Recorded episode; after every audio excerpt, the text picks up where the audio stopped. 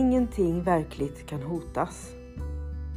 Ingenting overkligt existerar. Här i ligger Guds frid.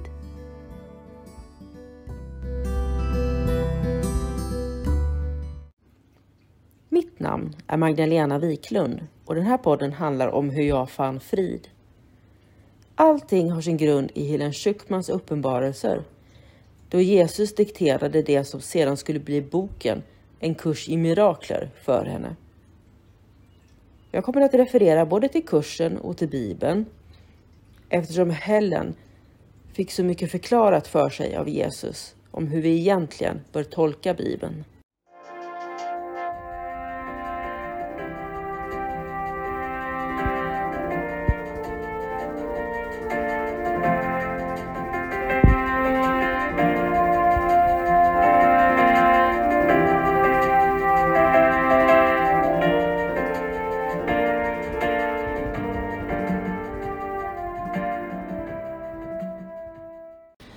Välkomna tillbaka till min podd.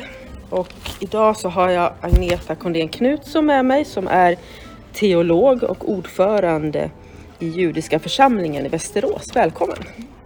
Tack. Vad kul att vi kunde träffas. Eh, Verkligen.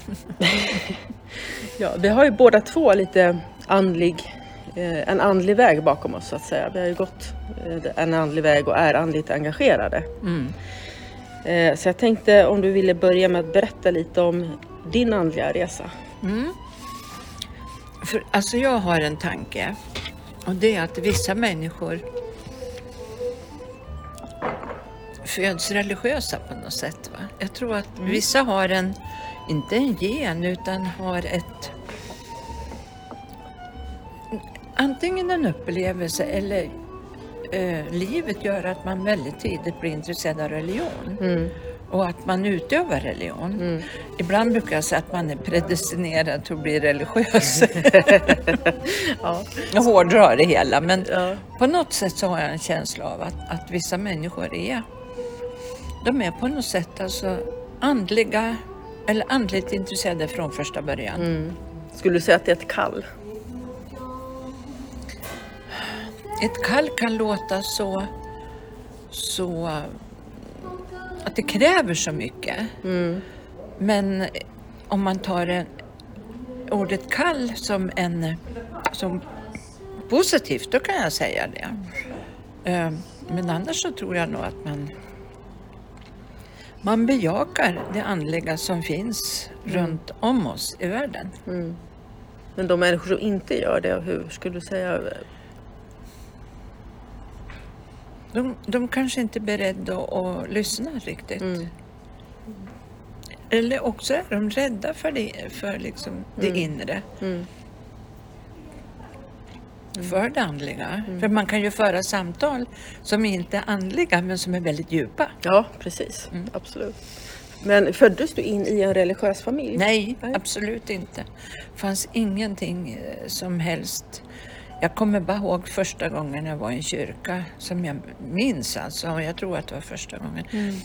Och då var jag brudnäbb och då var jag typ fyra år. Mm. Oj, Ja. du kommer ihåg? Ja. Jo, men jag kommer ihåg det för att ja, jag var så nervös. ja. Ja. Har du alltid varit judinna? När, när, när valde Nej, du? det har jag inte. Jag, är ju, jag har ju delvis påbrå genom min pappa. Mm. Judendomen ärver man genom mödernet. Mm, ok- Okej, Men jag inte. det har inte alltid varit så. Men, men eh, eh, jag tog beslutet egentligen när jag var, ja, eller ja, hur ska jag säga? Jag gick med i församlingen, det är länge sedan. Det är alltså, ja, en 30-40 år sedan. 40 år sedan är det nog. Ja, ja någonstans Mm. där. Mm. Eh, har arbetat inom Svenska kyrkan har jag gjort. Ja. Eh, och eh, levt liksom hela då, mitt dåvarande liv. Alltså var väldigt fokuserat överhuvudtaget på kyrkan. Mm. Eh, Men, men brottas på det här med, med Jesus-figuren. Ja. Att han, jag menar han, han var, Jesus var jude, han var en god jude. Mm. Men att han skulle vara alltså Guds enfödde son, nej. Inte mer än andra människor. Det är fantastiskt att du säger det egentligen för att jag som gör kursen, en kurs i mirakler, där står det ju att vi allihopa är Guds son. Ja, men det är vi ju på något sätt. Men vi skapade av Guds avbild. Eller hur? Ja, Både män och kvinnor. ja precis. Det står så, son för att det är, så, det är en religiös text. Ja, Men man kan lika gärna tolka det som Guds dotter eller att vi är systrar och bröder, tänker jag. Så att, visst. ja, nej, jag känner igen lite där. Jag har ju också tillhört Svenska kyrkan. Mm. Eh, tyckte, drogs lite grann just då, det var i ungdomen. Jag döptes in som 14-åring. Mm. Och drogs lite till det just i tonåren, att det är rätt och fel, det ska finnas. Mm. Och sen konverterade jag till katolicismen för att jag var på något sätt i behov av det svartvita tänket. Som sen gick överstyr tycker jag. Och då lämnade jag katolska kyrkan och blev buddhist istället. mm. Men då fanns det karma istället. Mm. Och jag har alltid haft svårt för eh, idén om att det finns, att, att man kan vara en syndare. Jag håller med om att man kan göra rätt och fel, men då kan man också rätta det felet. Mm. Men att vara en syndare och att, att det inte går att sudda ut så att säga dö, en dödssynd. Det har, Vilket förfärligt ord egentligen. alltså. eller hur? Mm. Att en dödssynd, det behöver inte ens vara mot en annan människa utan det kan vara bara, står i den kristna bibeln, att om man förnekar helig ande så är det en dödssynd. Ja. Ja. Så att, Ja. Så att, ja men det har jag svårt med. Men du som teolog då? ehm, hur, ser, hur har du sett på, på synd och skuld och rättfärdighet genom livet och hur ser du på det idag? Har det förändrats? Ja, betydligt. Alltså, när jag var barn, då, även om mina föräldrar inte på något sätt hade någon, någon förankring i, i något samfund, så var det väldigt mycket prat från min mamma på något sätt. Pappa brydde sig inte så mycket, men det var väldigt mycket prat om eh, hur man skulle uppföra sig och vad som var syndigt och, och eh, när vi var tonåringar på 60-talet då var det ju väldigt många utav mina kamrater, flickkamrater då, som blev med barn. Mm. Och det var ju en skam och det var synd. Och, Ja, precis. mm. Svenska kyrkan tycker jag, eller kyrkan, det är kanske, de skammar människor Mm, mm. tycker jag. Jag förstår Ja. Idag så, så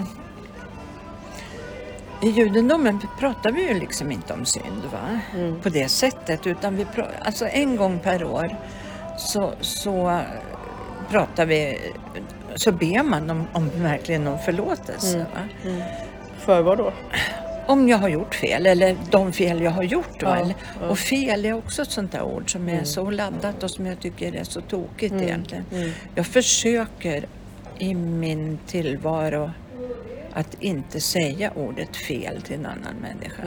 Att du har gjort fel. Eller... Ja. Jag försöker, jag tänker mig för innan jag använder Ja. ordet för jag tycker att det, det, det också ger, det är så laddat. Ja, visst är det det. Mm.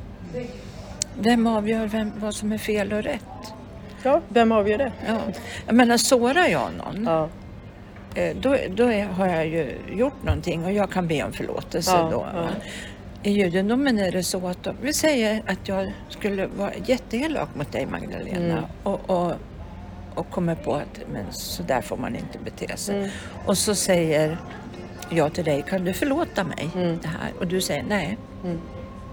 Nej, men då kan jag gå alltså till ett vattendrag i judendomen då. Mm, Så här mm, okej. Jag kan gå till ett vattendrag, jag kan vända ut och in på fickorna Mm. och, och liksom verkligen det är ju egentligen att vända ut och in på hela sitt samvete och sitt Ja, hjärta. ja. Och, och säga att ja, Magdalena vill inte förlåta mig men jag ber till Gud då. Jag kastar Mm. Du renar dig precis, du Ja. renar din själ på Ja. något sätt. Får dina händer om man får Ja, säga så. Ja, precis. Eh, Det är klart att man tycker att många människor gör fel och speciellt nu då att, att det är fel att döda på alla sätt och Mm. vis. Och det där brottas jag med nu när Israel då ska vedergälla Precis, det här. Det är precis. hemskt svårt alltså. Ja. Det här, Hamas är ju egentligen, de är ju folkvalda men det är ju en liten grupp ändå. Mm. Det är alla andra människor som får lida, men så är det Mm. alltid i krig. Mm. Alla människor får lida. Mm. Det tycker jag är väldigt svårt. Alltså. Mm. Men då är det det man själv, tänker du, som avgör om man har begått ett fel. Kan någon annan avgöra om man har gjort ett fel eller en synd? Ja, det är väldigt svårt egentligen. Du kan ju säga att du blir sårad på mig till Mm, exempel mm. och då, då har jag ju gjort ett inom citat fel då. Mm. Men eh, jag kanske var väldigt omedveten om det. Mm. Vad, jag, vad jag egentligen sa och vad jag gjorde. Ja. Men ur ett religiöst perspektiv, då, teologiskt. Vi människor är ju väldigt bra på att säga du har gjort fel eller jag har Mm, gjort fel. Mm. Men säger, det står ju så i Bibeln, men Bibeln är ju skriven av, kristna, eller av människor. Ja, Tror du att, att, men, eh, att Gud skulle kunna säga att han egentligen säger du har gjort fel? Att Gud dömer eller att, att säger att det är någon som är en syndare? Inte för mig. Jag, jag kan inte acceptera det. Nej. Nej. Eh, Jag tror att Gud förlåter väldigt mycket. Mm. Men eh, alltså det, jag tror samtidigt att det finns en gräns och det är det här dödande. Men det gäller inte bara dödande av människor. Mm. För mig är det också dödande av djur i onödan. Mm. Eh, förstörelse av naturen. Ja, just det. Det, det är också ett, en form av dödande Mm. Som jag tycker är lite svårt. Mm. Men skulle du säga då att finns synden? Eller hur, hur, hur skulle du formulera Vem, det? vem definierar synd? Ja, eller hur? Ja, precis. Ja, vem definierar synd? ja. Så hur ser det ut? Så min erfarenhet, jag som inte är teolog, Mm. som jag ser det så alla religioner idag har ju någon slags formulering av, av synd. ja, det har man ju. Men jag tror att det ligger i människans natur att, att vara lite, hur ska vi säga, kritisk mot andra på något sätt. Va? Mm, Att, att man, och det kan, vara ju, det kan bero på brist på erfarenhet eller, Mm. eller dåliga erfarenheter. Va? Ja, precis. Som gör att man, man, man är ju formad. Mm. Det formas ju oerhört tidigt. Va? Men- och inte men- bara människor utan jag tänker också den religion som råder i landet där man växer upp. Mm. Oh ja. Jag har ju läst en hel del om i England om de här Magdalena-hemmen. Har du Ja, läst om jag har det? sett filmen Magdalena systrarna. Ja, Ja. något så fasansfullt vidrigt, eller alltså. hur? Ja. Ja. Och, och de ska ju vara företrädare för de, Mm. de kristna. Ja. Det var, vi kan ju bara berätta för lyssnarna att, att det här det var alltså kvinnor som ansågs vara lösaktiga. Ja, små flickor egentligen alltså. Faktiskt, ja. i 13, tidigare- ja, 14-åringar. precis. Som placerades i hem som Ja. drevs av de här systrarna. De förslavades i stort sett och Ja. fick jobba. Och blev också förnedrade. Oerhört. Drevs Ja. av katolska kyrkan. Ja. Eh, för att, för att det, vad jag funderade ofta på, jag kom ju sen då till det här med god och ond, så funderade jag också på eh, alla religioner säger ju på något sätt att Gud är god. Mm. Så samtidigt så säger man att du är en syndare och du kan eh, bli straffad för de synder du har begått. Mm. Jag har ofta frågat mig själv, hur kan Gud skapa mig till en syndare som begår synd och sedan ska bli straffad av den som har skapat mig som är fullkomligt kärl- kärleksfull? Det där går inte ihop. Det gör inte det? Nej, inte för mig i alla fall. För det första så, eh, man, man, jag tänker på, på de barn som föds utanför ett äktenskap. Mm. Att de skulle vara liksom oäkta barn. Och, jag Mm. menar, man, man lägger sådana värden i, i ord va, på något sätt som är så... För, ett, ett barn kan inte födas Nej. Som en ond människa. Vi föds till Guds avbild. Mm. Mm. Då tror du inte på arvsynd heller? Nej, absolut inte. Nej. Nej, nej, nej. nej. Nej. nej. Ja. Däremot alltså, så, så ska du i judendomen ska du varje dag göra ditt bästa av din dag och gärna hjälpa människor. Mm. I kristendomen så säger man ju att du ska få din lön på, ja, efter döden på något Mm, sätt. mm. Men här ska du ju varje dag göra ditt bästa därför att du mår bra av det. ja, precis. Eh, bara det är ju en, en upphöjelse på något sätt. Mm? Jag menar, kan jag hjälpa någon med någonting, även om bara en liten sak? Mm. Så, så får det ju mig att må bra egentligen. Mm. Och det, det är den största välsignelsen tycker jag, att man kan göra så. Att ge är att få. Mm.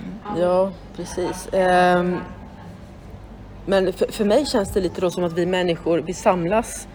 Vi har oft, oftast inte gemensamma religioner eller teologier så att säga, om man nu kan säga att det finns flera teologier. Men eh, vi samlas gärna kring synd och skuld, för att det är ju på något sätt det som fogar samman eh, alla religioner Mm. i världen. Kan, men skulle man kunna samlas, tror du, kring en teologi? Ja, på något, jag tror ju att det är väldigt svårt. Mm. Men alltså det är väl ett drömscenario.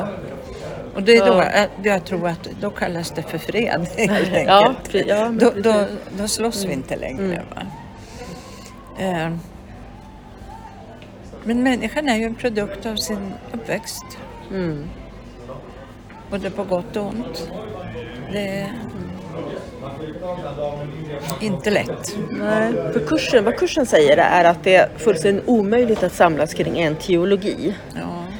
Eh, Läran om Gud. Mm. Ja. Men, men på, om, man, om man utgår från att Gud är god, va, då borde man kunna göra det. Men sen är ju människan är ju som de är. Va? Mm, precis. Som en, den produkt. För att kursen säger att det är omöjligt att samlas kring en gemensam teologi men det är absolut nödvändigt att samlas kring en gemensam erfarenhet. Din och min erfarenhet är ju väldigt olika. Va? Men vi har båda blivit, blivit väldigt intresserade utav, utav religion. Precis. Eh, varför blir man det? Ja, jag tror inte allt. Jag tror inte liksom på det här med dåliga erfarenheter Nej. utan jag tror att det är lyhördhet helt enkelt. Alltså. Precis. Som man, det kan också vara en känslighet. Det, Som inte...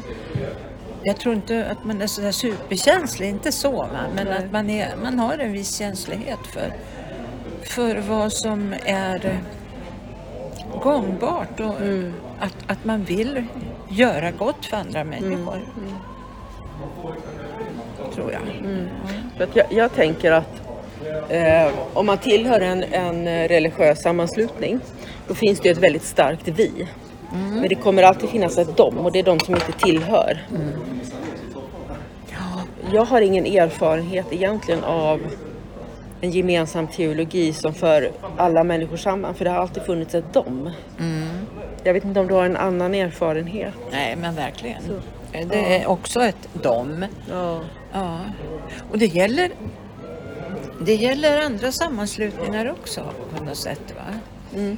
Att det finns ett... Eh, De är icke-religiösa eller? ja, jag tänker på välutbildade människor och så de som är mindre välutbildade. Ja, det är vi och de där precis. också på något sätt. Mm.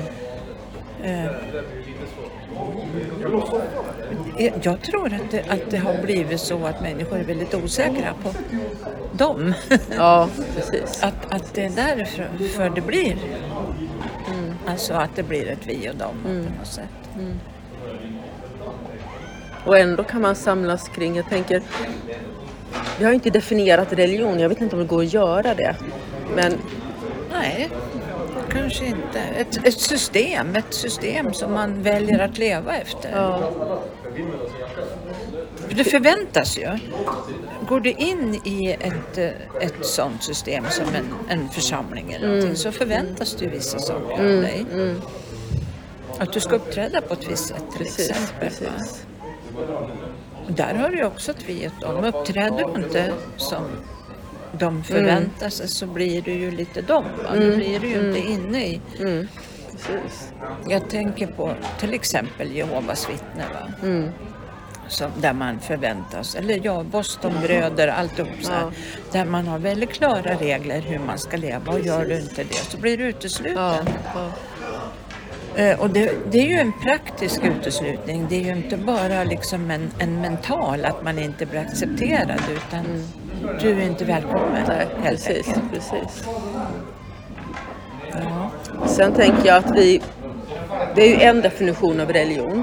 En annan, om man släpper ordet religion och bara tänker andlighet, så skulle det kunna vara så att du och jag står och tittar på en soluppgång och får en helt annan upplevelse. Och både, både av den här vackra solnedgången, det, där kan man prata om Gud, eh, helig ande, andlighet eller hur man vill formulera det.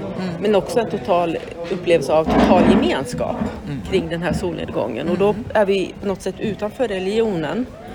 Och då är det ju liksom de, det vackra som vi på något sätt ser. Va? Och, och jag tänker så här, alltså jag, jag har ganska mycket kontakt med djur. Och då tänker jag, det är en speciell gåva jag har fått. Va? Att jag får, och, och jag ser det vackra i djuren. va? Jag kan all, all, inte se djuren som någonting som är bästar på något sätt. Utan det är en gåva som vi har fått ifrån Gud. Precis som en vacker soluppgång eller solnedgång, vackra träd, växter och, och människor. Fantastiskt egentligen. Ja, Vad men- mycket vi har fått. Ja, men visst har vi det. Va? Och då, alltså, det gäller ju att försöka att få att, att njuta av det helt enkelt. Att se det. Jag, jag, om, ibland om jag är ute och går och möter en ekorre till exempel som stannar upp och tittar på mig och jag står och tittar på den. Jag, jag känner alltså en enorm glädje. Och som en gåva. Det är väl säkert oerhört naivt men eh, Tycker du? det, det, vet, det vet jag inte om jag håller med om. Alltså, jag tycker verkligen att alltså, det finns ju så mycket som kommer in i, i, i våra liv som antingen ont eller gott. Och jag tror att det är viktigt att också göra medvetna val. Att välja för att jag tror, jag tror att de onda sidorna av livet liksom, de leder ju bort ifrån Gud på något sätt. Medan de, goda kommer förmodligen att föra närmare Gud. Ja, det hoppas jag verkligen. Men alltså tittar man sig omkring så finns det ju så mycket som är skönt. Va? Eh, ta en judisk slaktare som ska slakta kosher. Ja, Så vem som helst får inte göra det. Utan det är en utbildad människa som måste titta djuret i ögonen och be om förlåtelse. Jag måste göra det här därför att folk behöver kött, om man nu anser det. ja, ja. Jag behöver kött, eller människan behöver kött. Jag ber djuret om förlåtelse för att jag skär halsen av dem. Ja. Det- Och då tar man ett annat ansvar än att bara sätta en bultpistol i pannan. Eller hur? Det, det berörde mig faktiskt det du sa, för det visste jag inte att det är så. Jo men det är ju varje, jag menar har du i en judisk familj om du har ett husdjur så är det en skyldighet att innan du själv äter ditt första, din första måltid på morgonen så måste du utfodra ditt djur. Du kan, djuret kan inte Nej, precis. själv öppna skafferiet eller kylskåp nej, eller nej. jag menar, går en häst och en ko ute på åkern, ja men då har de ju mat och sådär. Men har du ett husdjur va, så är det väldigt svårt för dem att överleva om inte du finns där. Eller hur? Och då är det ditt ansvar. Det är en fin tanke faktiskt. Ja, jag tycker det Ja. också. Det är nog så jag gör med min katt oftast. Fast inte, inte, jag har aldrig tänkt eller sett ur det perspektivet som du berättade Nej. eftersom jag inte är judinna. Men, Nej. men det blir nog så ändå av ren kärlek. Ja men det är det ju. Ja. Visst gör det ont i hjärtat om vi ser att katten inte har någon mat? Ja, Eller? absolut. Eh, Men det är ju vi som har fostrat dem så egentligen. Men det är ju kärlek. Han vill ha mycket mer mat än vad han ska ha. Ja, jo, men det känner ju vi igen också. Eller hur? Och, ja. ja. Men, jag, jag, jag, alltså, jag vet att min mamma var jättearg på mig för att jag, vill, jag såg det sköna i tillvaron. Jag, Ja. Jag njöt utav, av det vackra och det sköna i tillvaron. Hon, hon blev väldigt arg på mig för att jag tror hon helt enkelt var avundsjuk därför att hon inte kunde se det som jag kunde se. Va? Ja. Men en fantastisk egenskap för det formar ju också en till en annan människa. Tänker jag, om man ser det goda. ja, men ibland så klart att jag har onda tankar också och, och kan vara, känna gentemot människor som jag blir irriterad på va, till exempel. Eller, ja, Mm. Hur ser du på det då? Hur ser du på dig själv när du, när du konstaterar att ah, nu tänker jag inte så bra om den här människan? jag, jag reflekterar ju över att jag tänker dumma tankar alltså, eller, eller onda tankar eller vad man ska säga. Men jag reflekterar över det men ibland kan det faktiskt vara väldigt skönt också. Alltså man har ju en viss aggressivitet inom sig, det har ju alla människor. Va? Och man behöver också få utlopp för det men jag skulle ju aldrig gå och göra någonting fysiskt. Va? Nej. Du accepterar dig själv som du är kan man säga. Att, att du är, ja, vad det innebär att vara människa det är också en jättestor fråga. Ja. Jo men, men människan ju, är ju, det, allting är ju tveeggat Ja, på något sätt. ja. Och det är det som gör det så svårt att leva också, tänker jag. Ja. Oh ja. Jag menar i, i en relation, både du och jag lever ju i äktenskap. Ja, ja. Visst blir man skitförbannad på sin partner? Ja, oh ja, det är så skönt att vara ensam ibland. Ibland är det väldigt skönt att vara ensam. Ehm, men det är ju också en del i utvecklingen. Ja, För kan man prata om det och sånt där då förhoppningsvis så växer ju relationen. Ehm, ja. Ett annat jätteviktigt ord du har sagt här vid flera gånger, jag tänkte förlåtelse. Både att Gud förlåter och att vi människor förlåter. Vad är förlåtelse? Jag tänker att om, man in, om, om det finns synd och skuld så blir förlåtelse en sak. Men om det inte finns synd och skuld då måste förlåtelse vara någonting annat. Ja. Det är ju väldigt svårt Ja. egentligen.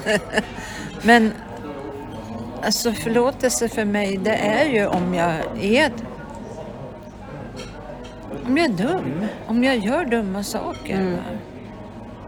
Så, så det, det kanske väcker en, en tanke och en känsla inom mig. Va? Mm. Att det här var inte okej. Och kan jag ändra på det där Mm.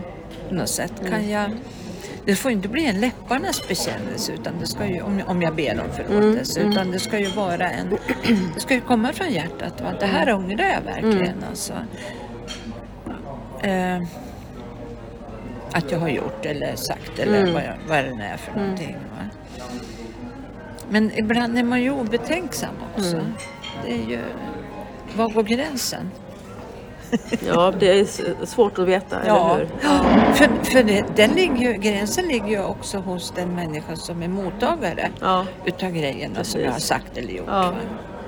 Men när du förlåter andra då? Jag tänker eh, hur...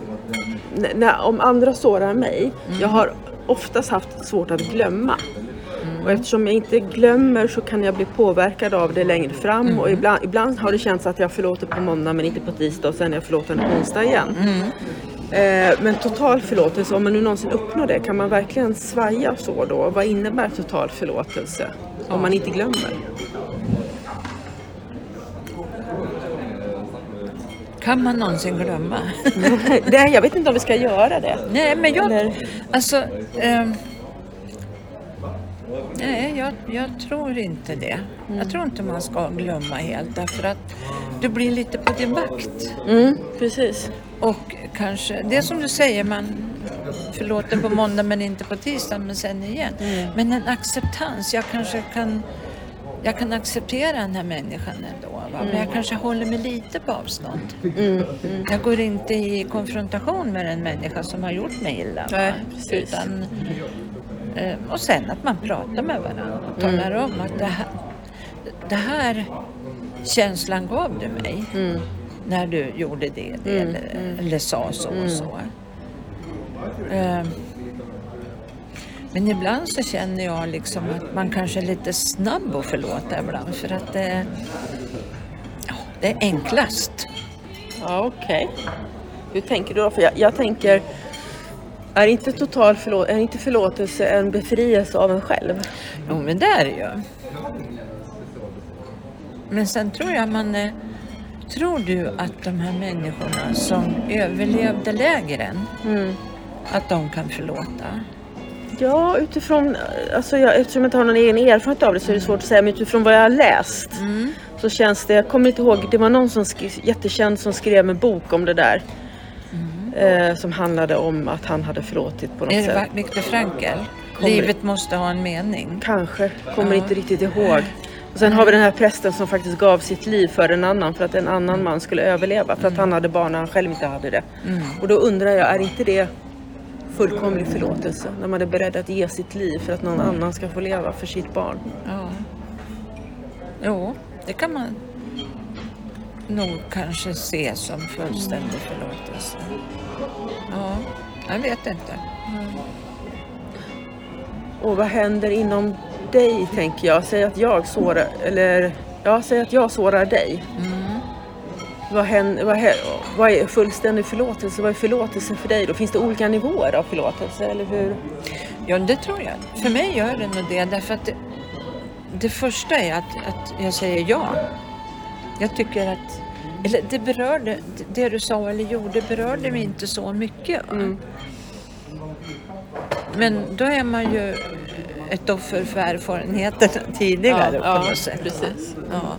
Men eh, sen är det ju det här, alltså förlåtelse och acceptans. Mm. Ja. Är det samma sak? Nej, det tycker inte jag. För förlåtelse går på djupet på något Mm, sätt. Va? Men acceptans är okej då. Mm. Eh, det är ingen jag måste konfronteras med jämt. Mm. Så att då... då det, jag, menar, jag tänker på arbetsplatser. Folk Mm. är lite klumpiga ibland och säger kanske obetänksamma saker och Ja. sånt där. Och, men då måste man...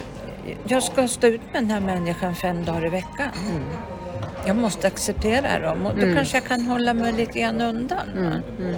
Därför att jag måste inte ständigt konfronteras med Mm. den här människan. Eller också så river man upp det här Mm. och säger att vi ska fortsätta och, Mm. och eh, arbeta ihop. Vi, må, vi, måste komma, vi måste nå en balans. Mm. Mm. Precis. Jag hade en chef som, som eh, han visslade på mig som om jag vore en hund. Ja. Och det sa jag åt honom. Att Ja. jag, jag, jag är ingen hund, jag är en människa. Vi, Mm. vi, vi, det här måste vi göra upp. Kan, så sa jag, för det första när, han, jag kom in på hans rum så jag tror han hade en väldigt lu- lustig relation till kvinnor egentligen. Men han hade alltid skrivbordslådan på höger sida. Mm. Han drog alltid ut den för då kunde man inte komma närmare. Nämen. Jaha. Var han rädd? Jag tror det Ja, på något sätt. kvinnor, ja. Ja. Och, och eh, när, han, när jag tog upp det här med att han visslade efter mig som jag tyckte var eh, väldigt obehagligt. Mm. Och, och eh, så säger jag så här att men vi kan ju sätta oss och fika eller äta lunch ihop eller någonting så där så får vi prata om det här.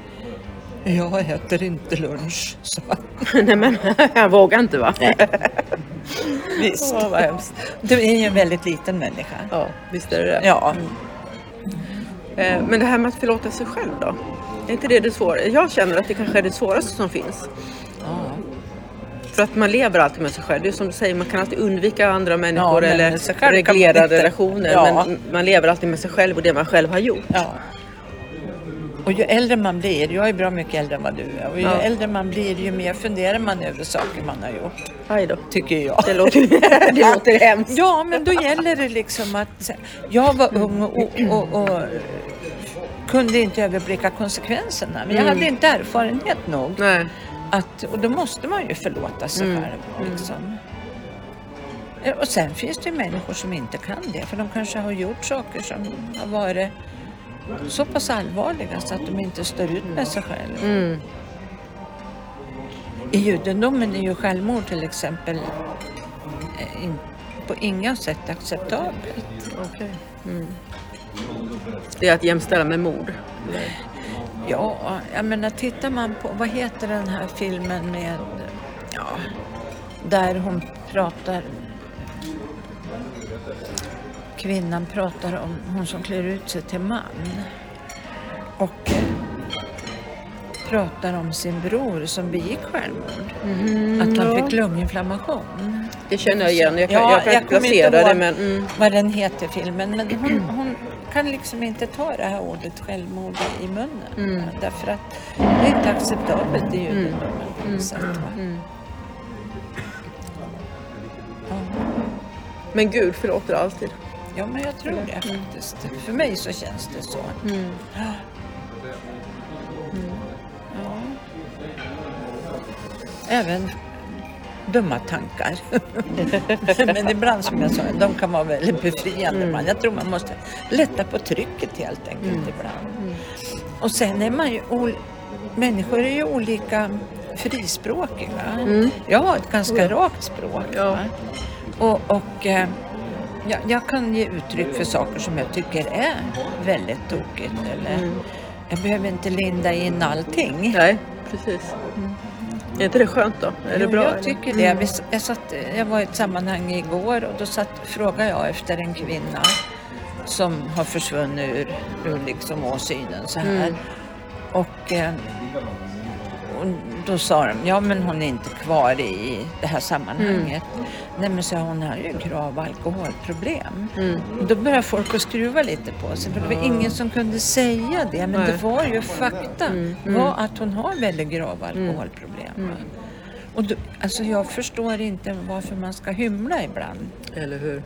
med, med liksom det som är sanning. Därför att då hjälper man inte människor heller. Utan då, då accepterar man. Det är så ett annat jättebra ord, sanning. Min sanning och din sanning. Eller hur? Och Guds sanning. Är det någon skillnad mellan, mellan människans sanning och Guds sanning? Oj vad svårt. Ja, Vad är sanning?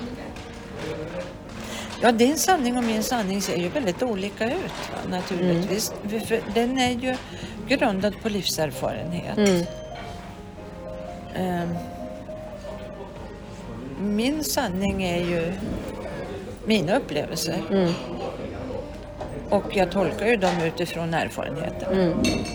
Men om vi har olika sanning och det bara finns en gud. Skiljer sig våra sanningar från Guds sanning då? Eller hur? Jag tror väl att Gud har förlåtelse och förståelse för Mm. alla sanningar på något sätt.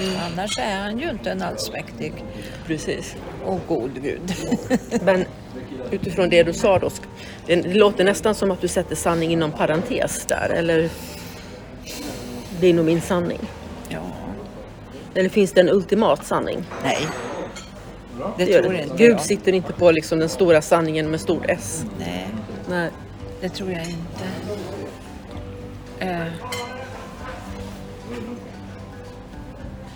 Då tror jag han skulle ha ingripit, han, eller Gud Eller skulle, hon, ha, in, ja.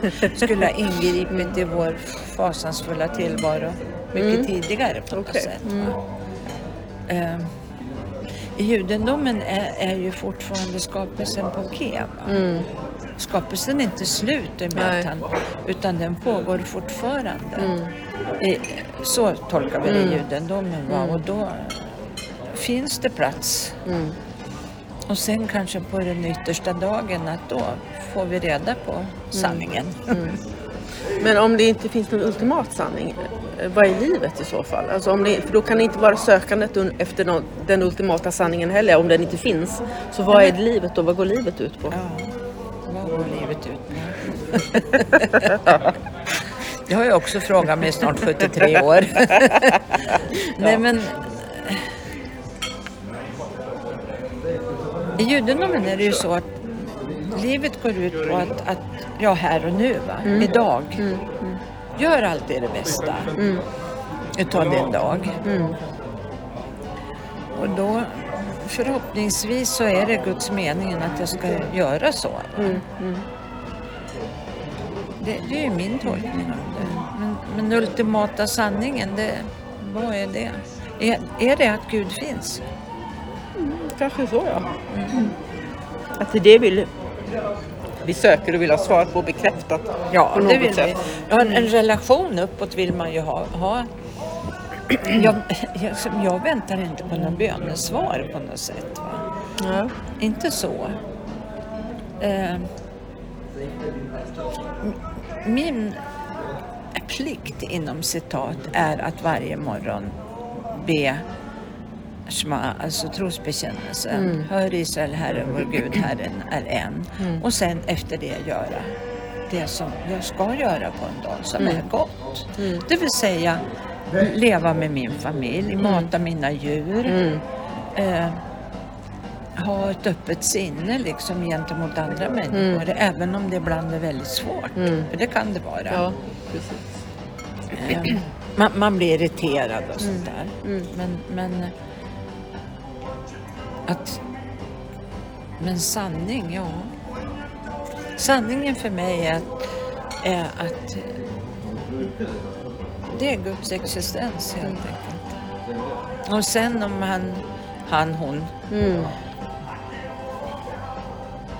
uppträdde på olika sätt i olika religioner eller det är människans tolkning. Mm. Jag tror ju inte på att Gud sitter och tittar på hur korta kjolar vi har eller eh, som någon eh, reagerade. Det var faktiskt en buddhistisk kvinna som reagerade väldigt mycket på att jag hade nagellack. Mhm. Hon var oerhört upprörd över det. Nämen. Jag har psoriasis på naglarna. Mm. De ser inte vackra ut och då målar jag dem för Ja. då ser det snyggare Ja, ut helt enkelt. Va? finns en praktisk Ja. förklaring. Och ja, om inte annat så är det väl ditt val om du vill göra precis. dig vacker, eller hur? Där. Ja. Men det låter... Men vi kan komplicera livet oerhört Eller hur? Ja, ja, ja. ja, det kanske är så. Vi människor är komplicerade och Gud är väldigt enkel egentligen. Ja. Precis. Men då, Vilket roligt samtal ja, eller hur? ja, jag älskar det här samtalet. Så det, det ger jättemycket. Ja, för mig också. Jag, jag kan alltså ibland sakna, jag har vissa, man har ju vänner och, och bekanta för Mm. lite olika behov. Mm, mm, Jag har en, en väninna som jag har känt sedan tidigt 60-tal. mm. Hon är två år äldre än vad jag är. Men alltså, jag, hon är hon är inte andlig på det sättet som att hon är religiös. Nej. Men var ändå väldigt, väldigt fina samtal. Va? Men vi står egentligen ganska långt ifrån Mm. varandra när det gäller andlighet. Men, men alltså det är så givande. Men det sa du egentligen, det där som vi pratade om tidigare, att man kan ha olika teologi men samlas kring en gemensam erfarenhet. Ja. Fantastiskt. Ja. Så, Ja. ja. Jag tänkte avsluta med, med en fråga. ja.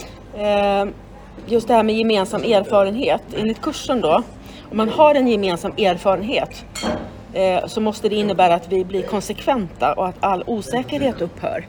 Och då tänker jag, alltså, om man är osäker, jag har ju bytt religion tre gånger i alla fall. Vilket har varit liksom något slags sökande och söker det gör man när man är lite osäker. Och slutar man vara osäker då blir man konsekvent och då söker man inte längre utan då är man nöjd med den man är. Och tror du att det, skulle, att det är möjligt att, att vi någon gång hamnar där alla människor och om vi gör det, vad skulle det i så fall leda till? Jag tror ju också svaret är enkelt. Fred. ja, men att vi kommer överens va? på något sätt. Att, att konsekvenstänkandet blir så att vi kan inte hålla på så här. Men det är inte bara det att du och jag inte ska slåss utan det är överhuvudtaget Alltså jag är väl kanske lite naturromantiker men för mig är det ju liksom att vi tar vara på hela skapelsen. Eh, vad det än är för någonting som finns runt omkring oss. Men skapelsen är ju skön i sig själv och vi gör allt alltså för att förstöra den. Visst gör vi det. Och, och Det tycker jag är svårt att acceptera. Men den dag människor accepterar att skapelsen är som den är, då tror jag att vi skulle kunna vara så konsekventa att vi slutar att förgöra allting. Eh, ja, där, där, sent, sent om sidor vaknade kyrkan och började på att prata om det här med miljötänk och så. Ja, va? precis. Eh, där har judendomen kommit mycket längre egentligen. Alltså att man ska... Du måste liksom ta vara på det som vi har fått till skänks. Helt enkelt. Ja. Och sen kör man bil i alla fall och Ja, men så är det. Ja. Det är bara så världen ser ut tyvärr. Ja, det är ju så. Alltså, vi, vi, har ju, vi har ju gjort oss så beroende utav, utav all teknik och så. Mm. Så att det, jag tycker det är på gränsen till obehagligt. De Mm. Ja, satt och diskuterade idag på, morgon, på morgonprogrammet eh, barns läskunnighet och det här. Att, Mm. Och skrivkunnighet. Att, att man, man läser och skriver så mycket sämre Mm. tack vare datoriseringen i skolan. Va? Eller hur? Man kommer ihåg lättare också om man skriver. Ja fram men visst gör man det. Mm. Skriver du fortfarande brev? Nej. Åh nej. Det gör jag. Ja, fantastiskt. Jag skriver till människor om, mm, ja, tackkort eller någonting Mm. sånt där. Och jag skriver alltid för hand. Det är fint. Ja, alltså jag uppskattar ju mycket bättre, och, eller mycket mer. Alltså alla hälsningar är ju fina, även om jag får dem på telefon eller på datorn. Så här. Men att få ett handskrivet kort eller någonting sånt där, det tycker jag är helt fantastiskt. Faktiskt, fortfarande. Ja, jag så. tror att det så småningom blir en tillbakagång. Ja, förhoppningsvis. Men vi är inne på det här med AI också. Ja. Det bra och mindre bra. Ja, eller hur? Tack snälla Agneta för att du ställde upp på den här intervjun. Det var så roligt. Det var så jättekul. Och det var så roligt att jag blev glad när du ringde. Jag menar, du och jag har ju Facebooks kontakt då, Ja, men det handlar ju precis. väldigt mycket om våra katter. Ja, det gör det. Det är deras Facebook-sida. Ja, jo, men där är ju nästan. Mm. Ja. Men visst hade du en kisse innan? Alltså, Ja, det hade jag.